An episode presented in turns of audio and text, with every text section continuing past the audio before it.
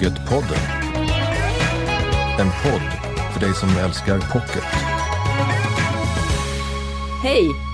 Du tror kanske att du känner henne, eller honom. Men sen läser du Malin Persson Giolitos roman Störst av allt och inser att du har nog inte en aning. Jag talar om tonåringarna i vår närhet. Kanske dina egna tonårsbarn. Nu har den här succétrillen med spelplats Djursholm tagit steget till skärmen och blivit Netflix-serie. Men vi i Pocketpodden hävdar nog fortfarande att störst av allt är boken. Vi får se vad författaren Malin Persson Giolito själv tänker om saken. Hon kommer nämligen strax hit. Idag ska vi också prata om den danska släktkrönikan Folkets skönhet. Kanske kan den vara en ingång till att förstå din mormor eller mamma lite bättre. För det var faktiskt bara alldeles nyss som livsvillkoren, särskilt för kvinnor, var fundamentalt annorlunda. Välkommen till ett nytt avsnitt av Pocketpodden. Jag heter Lisa Tallroth. Störst av allt är succéromanen som nu har blivit Netflix första svenska dramaproduktion och premiär 5 april är det för den. Författaren Malin Persson Giolito är här. Välkommen till Pocketpodden. Tack så mycket. Du har ju skrivit boken Störst av allt. Vad har du haft med tv-produktionen att göra? Jag har varit ganska inblandad i tv-produktionen. Det var ju inte helt uh, givet att det skulle bli så. Och jag visste ju inte hur mycket jag ville vara involverad för jag har ju aldrig gjort det här förut. Men det visade sig att jag ville vara ganska involverad och då fick jag vara det, vilket var roligt. Så de har ju, jag har ju varit med och läst och tyckt. Och... och det var en premiärvisning, lite förhandsvisning, igår. Nu får du vara ärlig här, vad tycker du? Ja, det är sjunde gången ungefär som jag såg de första två avsnitten och eh, jag har gått igenom hela känsloregistret kan man säga och landat i att jag är oerhört stolt över det här. Det här är en uh, fantastiskt fin och um, välproducerad, välregisserad, välspelad kvalitetsserie. Jag, jag är stolt över den. Det är ju många som har hunnit läsa den här boken. Den kom 2016. Det är ju nästan en halv miljon sålda ex, va? översatt till ett otal språk. Och så många vet ju att det kretsar kring en skolskjutning i överklassförorten Djursholm. Och det kan man säga för att läsaren kommer ju in när detta redan har hänt. Det är, det, det är liksom den första scenen. Och sen så får vi då följa framförallt 18-åringen Maja som sitter, ja både häktad och sen åtalad för att eh, ha varit inblandad i det här. Och där började Och sen så rullade det vidare ut till en mycket bredare historia om klassklyftor, missbruk, skuld, moral, kärlek, trasiga relationer och i centrum då ett väldigt ingående nära porträtt av en ung människa som är Maja. Är ungefär så, det, den här boken går att beskriva på så många sätt. Hur brukar du förklara vad den handlar om? Ja, men jag tyckte det där var en väldigt fin eh, beskrivning. Jag tycker inte nödvändigtvis att det är författaren som ska beskriva vad böckerna handlar om. Ehm, men jag vet ju att det för mig var väldigt viktigt att det var ett rättegångsdrama. Att vi skulle, att ramen, eller scenen för den här berättelsen skulle växla mellan just rättegångssalen och Djursholm. Då, eh, den förort där Maja växer upp. Och det är två stycken väldigt slutna miljöer.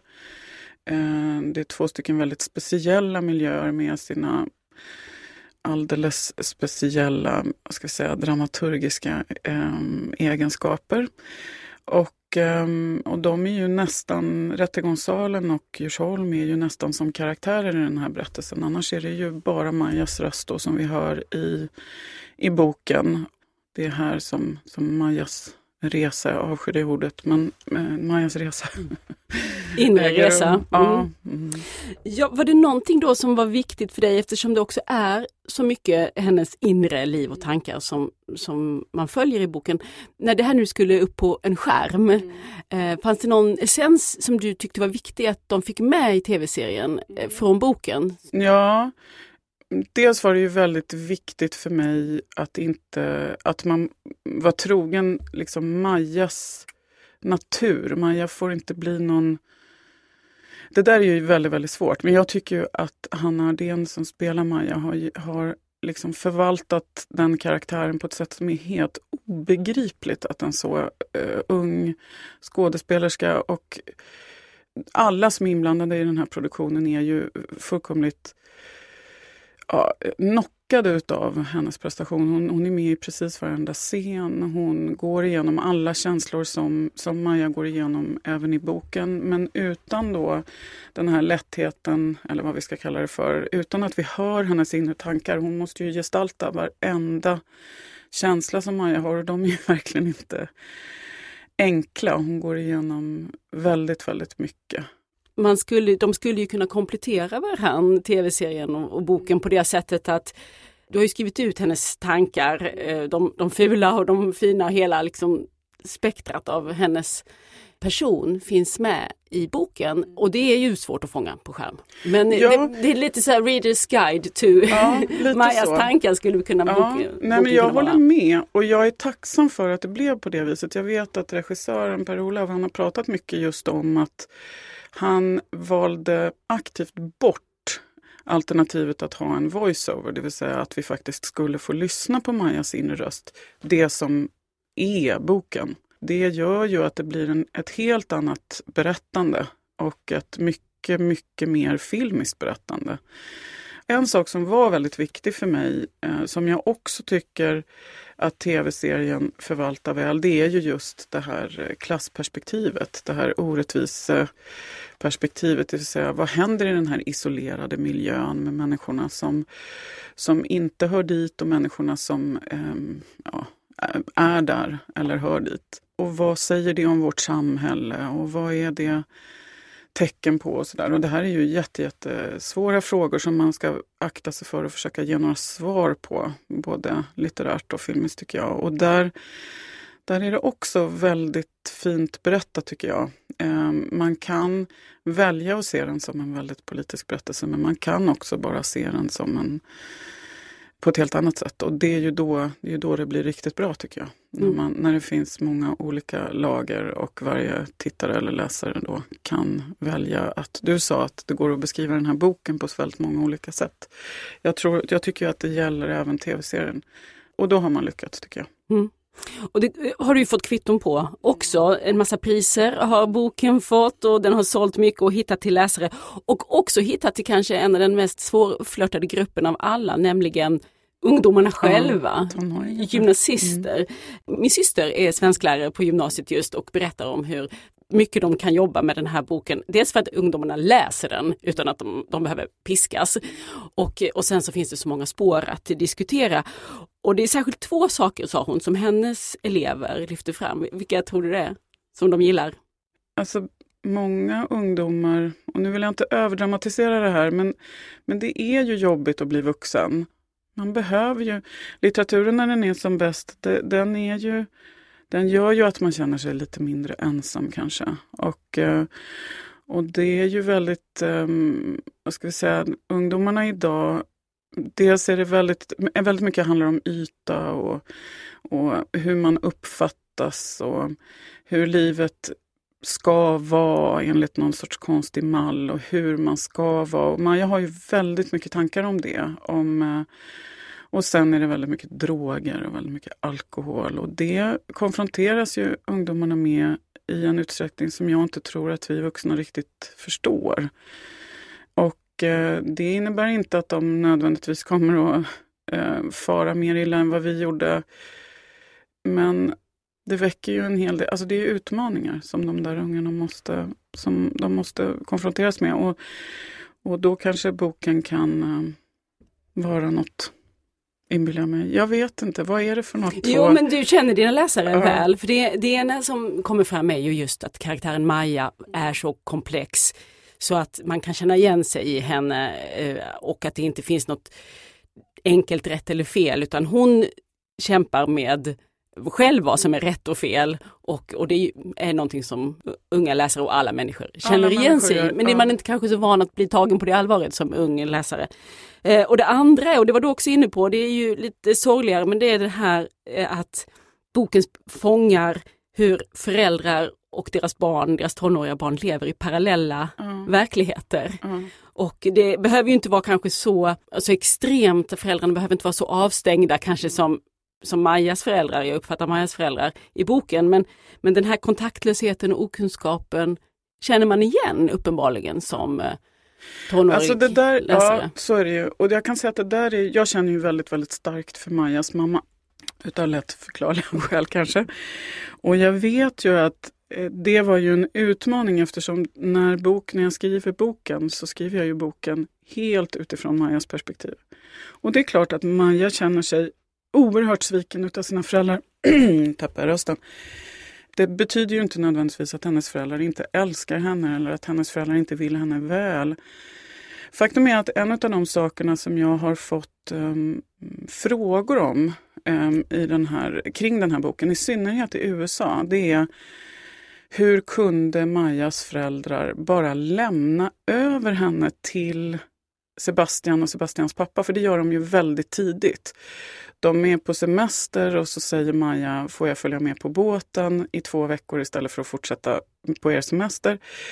Ja men självklart säger de. Och det roliga är ju att nu för bara några veckor sedan så kom ju Leaving Neverland. Och det är ju så uppenbart där att de där föräldrarna de Eh, konfronteras med hans rikedom och hans kändisskap och hans, liksom den här fantastiska sagovärlden. Och de reflekterar inte en sekund över att de lämnar över sina barn till honom. Och det är klart att det är lätt att sitta på andra sidan och säga jag skulle aldrig ha gjort så. Eh, jag skulle aldrig någonsin släppa den kontrollen, eh, liksom släppa kontrollen över mina barn. Och, ehm, men jag tror att vi är omedvetna hur påverkade vi är utav just yttre omständigheter som rikedom och kändisskap. Och det är liksom den yttersta makten i vårt samhälle. Det är ju så nära eh, gudom som vi kommer. Jag tänker att föräldrar ofta tror att de har mer koll och kontroll över tonåringens liv än vad, vad som kanske är fallet. Ja, alltså sen tycker jag ju också att vi får vara försiktiga med Eh, vilken typ av kontroll vi utövar över våra barn också. För att de är ju, det här är ju nästan vuxna människor. Och då, det måste ju ske med någon form av respekt också.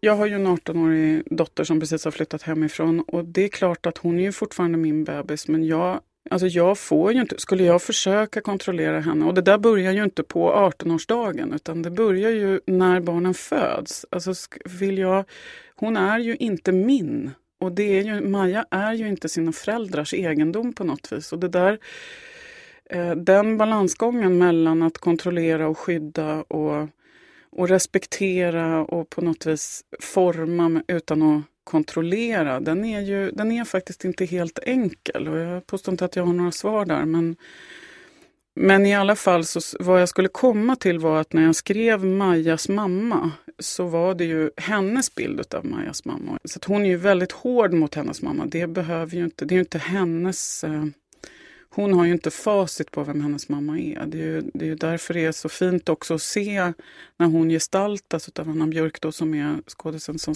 då blir ju hon en, en tredimensionell person på ett helt annat sätt. Samma sak med, med Majas pappa såklart, även om han är en annan typ.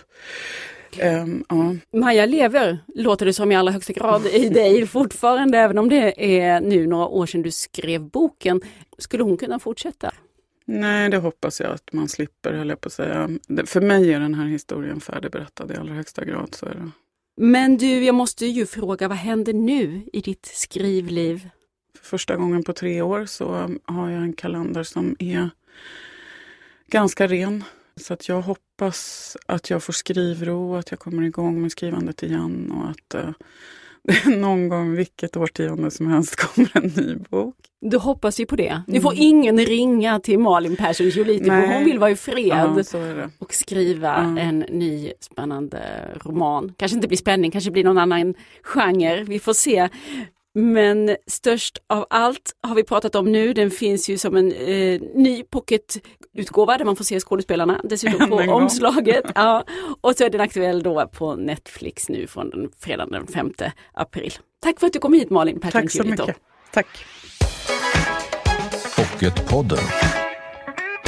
Och nu blir det boktips. Redaktör Lisa Jonasdotter Nilsson är med oss här i Pocketpodden. Hej, välkommen! Tack. Har du läst något bra på sistone? Massor. Idag har jag med mig spänning, gråt och kärlek. Vad ska vi börja med då tycker du? Kärlek. För det här är den absolut starkaste kärleksromanen som jag har läst på åratal. Eh, den heter Dagarna med dig av Rosie Walsh. Och den handlar om något så smärtsamt som att bli ghostad. Det betyder att man lämnas utan minsta spår av en person som man har börjat få känslor för. Och så är det för Sarah i Dagarna med dig. Hon träffar Eddie en varm sommardag och vet att deras kärlek är ömsesidig. De hänger tillsammans i ungefär en vecka och sen ska Eddie resa iväg på en sen länge inplanerad semester. Men han hör aldrig av sig igen. Många av oss har ju fått våra kärleksdrömmar krossade på precis det här sättet och det är så fantastiskt att få svepas med i en berättelse som lyckas fånga upp allt det här. Om man gillade till exempel En dag eller Livet efter dig så kommer man älska den här. Den har det här episka kärleksberättandet som man längtar efter. Den är stor på något sätt. Fast jag tyckte det lät lite sorgligt. Är det inte lite olycklig kärlek? Ja, det är det ju också. Det är starka känslor. Men jag ska inte spoila hur det går utan det får man liksom eh, läsa och se. Kärlek är ju komplicerat. Ja, som vi vet. sagt. Dagarna med dig, Rosie Walsh. Du lovade också spänning. Yes. Och eh, då har vi kommit fram till min absoluta spänningsfavorit just nu. Eh, den australiska författaren Jane Harper.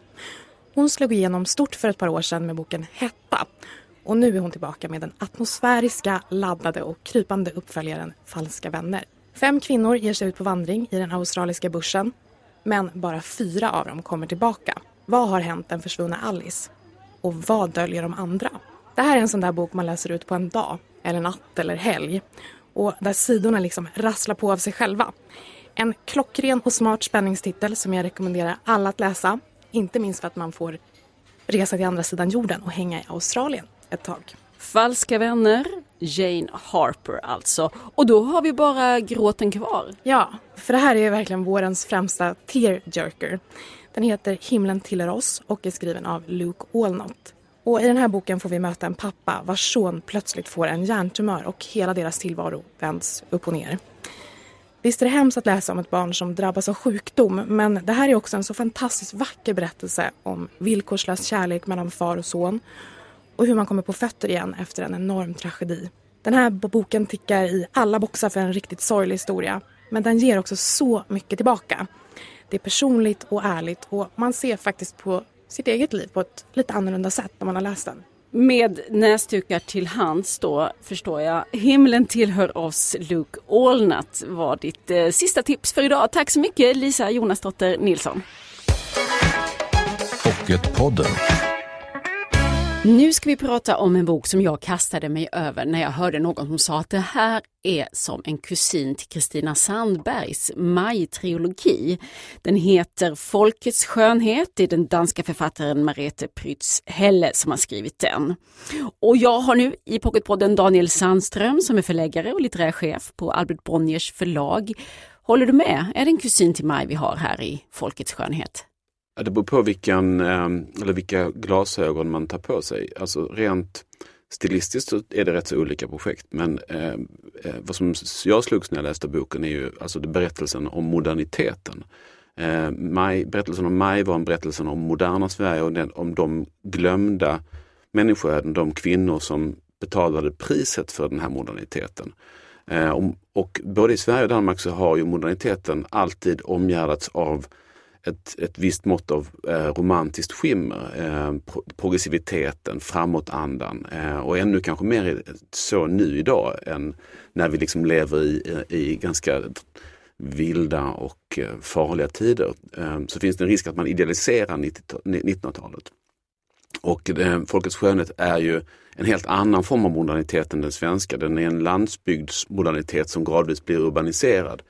Men eh, det priset man betalar för moderniteten och som man betalar för att gå från en kultur eller från en miljö i den här romanen då från, som handlar om egentligen fattiga människor på landet som gradvis får det materiellt bättre inne i stan men ändå slutar på något sätt med, med inte med två tomma händer men med, något, med någonting annat som är tomt. Mm. Den berättelsen är, är gemensam för både Sverige och Danmark men den ser lite olika ut. Och som förläggare var det ju du som en gång tänkte att den här ska vi ge ut på svenska. Eh, Mm. Varför ville du ge ut Folkets skönhet? Nej, men jag tyckte att, att ehm, den hade det, den hade fungerat enormt bra i Danmark. Det var en, det var en stor, stor succé och på ett samma sätt som jag, man kan tänka sig de danska tv-succéerna, alltså Krönikan eller Matador, alltså där man beskriver en samhällsomvandling och eh, och den är inte helt likadan i Sverige som i Danmark. Det finns stora skillnader men det, det är tillräckligt nära för att man, jag tror att man ska kunna känna igen vissa saker. Och eh, vad jag slogs av då är att, att eh, Eh, när jag läste den här, det var ju det som vi faktiskt diskuterar just nu idag, alltså eh, vilket pris kvinnorna betalade för att eh, vara med om den här utvecklingen, det liv de levde. Det är en ofantligt fysisk roman. Eh, man får väldigt mycket stryk, man blir misshandlad och inte bara det, man, man ska på något sätt leva med och acceptera det som kvinna. Och den här berättelsen, om, den dolda berättelsen om vad man får utstå trots att samhället på ytan går framåt. Eh, den berättelsen är en, är en glömd berättelse, eller i alla fall eh, den har levt i skuggan av den stora framstegsberättelsen. Så det var det som slog mig. Sen finns det en annan sida också när det gäller just folket och ordet folket. I den här romanen så vi lever i tider där populismen är väldigt stark och drömmen om ett, om ett enhetligt, gott folk, den har vuxit sig allt starkare ju längre vi kommer från andra världskriget där ordet folk var otroligt kontaminerat. För mig så är det här en slags berättelse om att eh, varning om att idealisera inte det fattigdomen, idealisera inte folket som idé utan folket i den här boken är ju fula skitar, skitiga och elaka på många sätt. Och det, sen finns det en, en väldigt stark lojalitet med de här människorna hos författaren. Men det, finns, det går i en, i en dansk kontext, där är alltså Dansk Folkeparti som är liksom, bara namnet visar vilket laddning folket har i den miljön. Det här är en slags motröst till det, en annan bild av det idealiserade folket. Mm. För det är ju de här två eh, begreppen som är också i bokens titel, Mm. folkets skönhet Mm. och som du har sagt här nu befinner vi oss i ett lerigt, eh, fattigt eh, 30-tal. Mm. Och bara för att ge eh, lyssnarna lite koll på vad det handlar om så får vi följa Marie Mm. som växer upp här som en i en stor syskonskara och det kommer hela tiden nya småbarn som ska tas om hand. Mm. Och andra världskriget kastar sina skuggor över Mm. livet förstås här under Mm. 30-40-talet. Och sen är framförallt vardagen full av våld och eh, övergrepp. Mm, så det är, Och helt, jag säga, helt, helt naturligt. Det är precis som att det liksom, man slår en unge på samma sätt som man liksom slänger ut badvattnet. Va? Det är det. men likväl så förstår vi ju att Marie framförallt lever med konsekvenserna av det här. Mm. Även om hon, om det kanske inte psykologiseras eller talas om Nej. så gestaltas det väldigt väl Ja. hur traumatisk hennes uppväxt har varit. Eh, men jag tänkte på det att det ju faktiskt finns också skönhet i boken. Mm. Och vad, vad, är, vad är folkets skönhet som titeln anspelar på? Alltså för mig så tror jag skönheten finns i, alltså det här låter kanske lite invecklat men jag, jag tänker när man kommer till slutet av boken så finns det en otrolig kraft i de minnena som författaren har manat fram. Att, eh, att våga berätta om det. Och skönheten finns tror jag i, i eh, en slags eh, återskapande eller återtagande av det som varit förlorat. Att försöka liksom hantera det.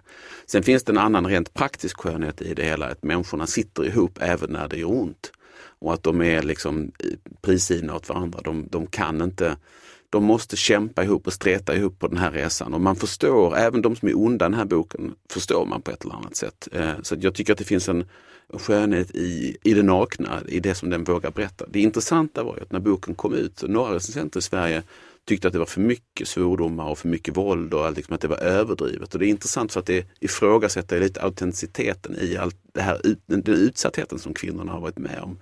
Och jag tror att, det att vi inte riktigt kan ta in hur jävligt det faktiskt stundtals har varit. Att växa upp i en otroligt destruktiv, fattig miljö och sen ta med sig den känslan även senare när man kommer in till stan och blir medelklass, att man har kvar det i arvet. Jag tror att den, det våldet och det, den underkastelsen, man vill gärna säga att ja, fullt så här illa kan det inte ha varit, men sanningen är nog att det kanske till och med var värre. Och eh, författaren Merete Prytz Helle, hon eh, är ju öppen med att hon har hämtat inspiration från sin egen släkt. Mm. Det är ju hennes, eh, skulle kunna vara hennes mamma som, som är den här eh, Mm. Marie. Jag tänkte vi bara skulle få lära oss lite mer om Merete Prytz Helle för hon är ju en, en eh, känd och etablerad författare i Danmark men Mm. ganska ny för svenska läsare. Vem är hon?